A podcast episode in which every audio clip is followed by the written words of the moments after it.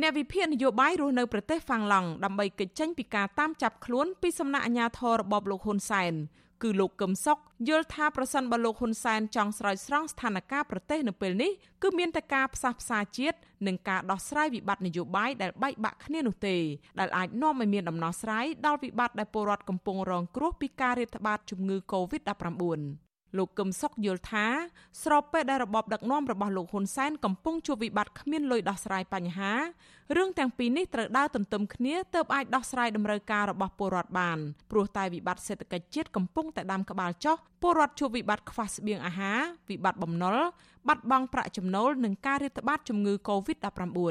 ចេញពីកូវីដទៅវិបត្តិសេដ្ឋកិច្ចអញ្ចឹងប្រជាពលរដ្ឋស្លាប់ដោយសារកូវីដផងគ្រោះថ្នាក់ដោយសារកូវីដផងប្រជាពលរដ្ឋត្រូវអត់ឃ្លាន ស្លាប់ដែលគេហៅថាស្ទើរតែមិនហូរឈាមដោយសារអត់សេដ្ឋកិច្ចផង ស្លាប់ដោយសារថប់អារម្មណ៍ពីព្រោះគាត់ត្រូវជំពាក់បំណុលគេជុំទិសផងដូច្នេះត្រូវតែដោះស្រាយបញ្ហាអស់ហ្នឹងគឺការប្រើលុយហើយវិធីរលុយដូចដែលខ្ញុំជម្រាបចឹងផ្សះផ្សាផ្ទៃក្នុងជាតិឡើងវិញកាលណាផ្សះផ្សាផ្ទៃក្នុងជាតិបានហើយទាំងអ្នកប្រឆាំង ទាំងរដ្ឋាភិបាលនេះជាឱកាសល្អហើយកុំនៅប្រកម្មគ្នាផ្សះផ្សាជាមួយគ្នាទៅឲ្យដោះស្រាយបញ្ហាជាតិជាមួយគ្នាលុយអាចរកបានទេនៅពេលដែលបញ្ហានានាទៅក្នុងជាតិរបស់យើងអាចផ្សះផ្សាគ្នាបានខ្ញុំគិតថាជប៉ុនក្តីអឺរ៉ុបក្តីសហរដ្ឋអាមេរិកក្តីគេសប្បាយចិត្តនឹងជួយ ជួយក្នុងជំនួយមនុស្សធម៌គេសប្បាយចិត្ត នឹងផ្ដល់ជូនឲ្យកម្ពុជា នៅទីផ្សារអនុគ្រោះបំរុងសេដ្ឋកិច្ចបន្ទាប់ពី COVID-19 អញ្ចឹងជួយទាំងសេដ្ឋកិច្ចជួយទាំងជីវិតប្រជាពលរដ្ឋជីវភាពប្រជាពលរដ្ឋក្នុងស្ថានភាពបច្ចុប្បន្នគេក៏នឹងជំរុញជួយករណីវ៉ាក់សាំងពីសហរដ្ឋអាមេរិកពីអឺរ៉ុបពីជប៉ុនជាដើមដែលគេមានលុយបន្ទាប់ឲ្យគេមិនផលិតប៉ុន្តែគេមានលុយក្នុងការជួយជ្រោមជ្រែងប្រទេសកម្ពុជាអ្វីដែលនៅមិនទាន់មានគឺសមានចិត្តរបស់លោកនាយករដ្ឋមន្ត្រីហ៊ុនសែនការលើកឡើងបែបនេះធ្វើឡើងបន្ទាប់ពីអង្គការសុខភាពពិភពលោក WHO ព្រមានពីគ្រោះមហន្តរាយដ៏ធំដែលអាចនឹងកើតមានឡើងនិងទទូចឲ្យពលរដ្ឋខ្មែរត្រូវតែនៅផ្ទះរៀងៗខ្លួនអំឡុងពិធីបុណ្យចូលឆ្នាំថ្មីដើម្បីការពារគ្រួសារសហគមន៍និងប្រទេសជាតិទាំងមូលតំណាងអង្គការសុខភាពពិភពលោកប្រចាំកម្ពុជា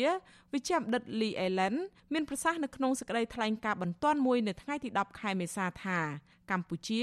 ឈរនៅមាត់ជ្រោះនៃសោកនាដកម្មដែលបង្កឡើងដោយការរាតត្បាតនៃជំងឺ Covid-19 អ្នកស្រីបន្តថាទោះជាភាគីពាក់ព័ន្ធបានប្រឹងប្រែងអស់ពីសមត្ថភាពយ៉ាងណាក៏ដោយក៏ការគ្រប់គ្រងវីរុសនេះនៅតែប្រឈមនឹងការលំបាកអ្នកស្រីបន្ថែមថាបើមិនបញ្ឈប់ការផ្ទុះរាតត្បាតឥឡូវនេះទេប្រព័ន្ធសុខាភិបាលកម្ពុជានឹងប្រឈមបន្ទុកយ៉ាងធ្ងន់ធ្ងរដែលអាចនឹងមានផលវិបាកជាមហន្តរាយដ៏ធំ អង្គការសុខភាពពិភពលោកចេញសារព្រមានធ្ងន់ធ្ងរបែបនេះក្រោយពីកម្ពុជាបានផ្ទុះរាលដាលជំងឺ Covid-19 ទ្រង់ទ្រាយធំ ចេញពីព្រឹត្តិការណ៍សហគមន៍20កុម្ភៈចំនួនអ្នកឆ្លងក្នុងសហគមន៍បានកើនឡើងដល់ជាង3500នាក់ក្នុងនោះគ្រាន់តែរយៈពេល2ថ្ងៃចុងក្រោយនេះក្រសួងសុខាភិបាលរកឃើញអ្នកឆ្លងថ្មីជាង1000នាក់ចំណែកអ្នកស្លាប់ដោយសារជំងឺ Covid-19 វិញតួលេខបានកើនឡើងដល់ទៅ26នាក់ហើយគិតត្រឹមព្រឹកថ្ងៃទី10ខែមេសាវិធានការទប់ស្កាត់ការរីករាលដាលជំងឺ Covid-19 នៅតែអនុវត្តឯវិធានការបង្ក្រាបអ្នកដែលនិយាយប៉ះពាល់រឿងវ៉ាក់សាំងចិនក៏នៅតែបន្តធ្វើ តុលាការខេត្តកំពង់ស្ពឺនៅថ្ងៃទី10ខែមេសា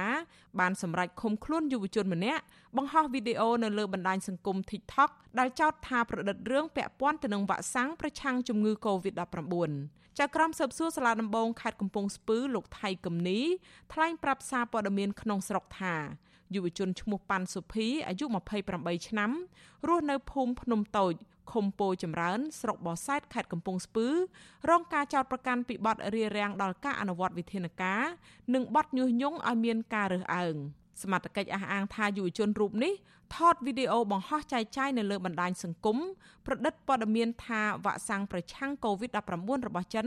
ដែលកំពុងចាក់ជូនប្រជាពលរដ្ឋនេះគឺមានភាពមិនច្បាស់លាស់ការប្រឌិតព័ត៌មាននេះគឺមានចេតនាញុះញង់និងធ្វើឲ្យមានការយល់ច្រឡំពីសំណាក់ប្រជាពលរដ្ឋ ថ្លែងសារបង្ហោះលើបណ្ដាញសង្គមតាក់ទងទៅនឹងស្ថានភាពរីករាលដាលជំងឺ Covid-19 លោកហ៊ុនសែនថ្លែងឌឺដងទៅអ្នកធ្វើការងារឃ្លាំមើលសិទ្ធិមនុស្សថា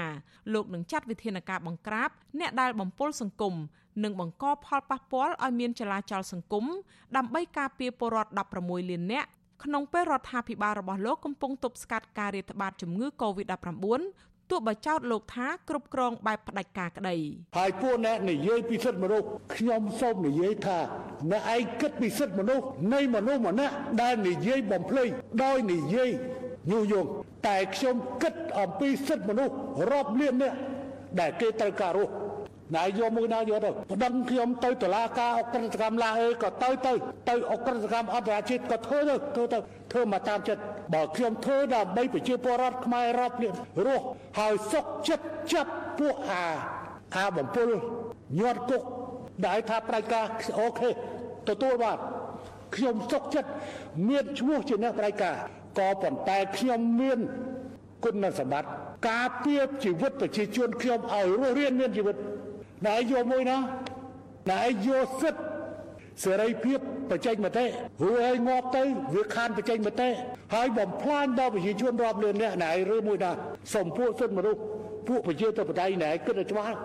ក្នុងគ្រាដែលលោកនាយករដ្ឋមន្ត្រីហ៊ុនសែននៅតែប្រកាន់ជំហរថាលោកសុកចិត្តដើរតួជាបរិះផ្ដាច់ការលោកកឹមសុខផ្ដាល់យោបល់ថាពេលនេះលោកហ៊ុនសែនគួរធ្វើជាបរិះផ្សះផ្សា ជាវីរៈបរោះឲ្យទាន់ស្ថានភាពជាក់ស្ដែងទើបមានកិត្តិយសឧត្តមឧត្តមសម្រាប់ប្រទេសជាតិដើម្បីស្រោចស្រង់ជាតិដែលកំពុងដើរដល់មាត់ជ្រោះចានាងខ្ញុំខែសុណងអាស៊ីសេរីរាយការណ៍ពីរដ្ឋធានី Washington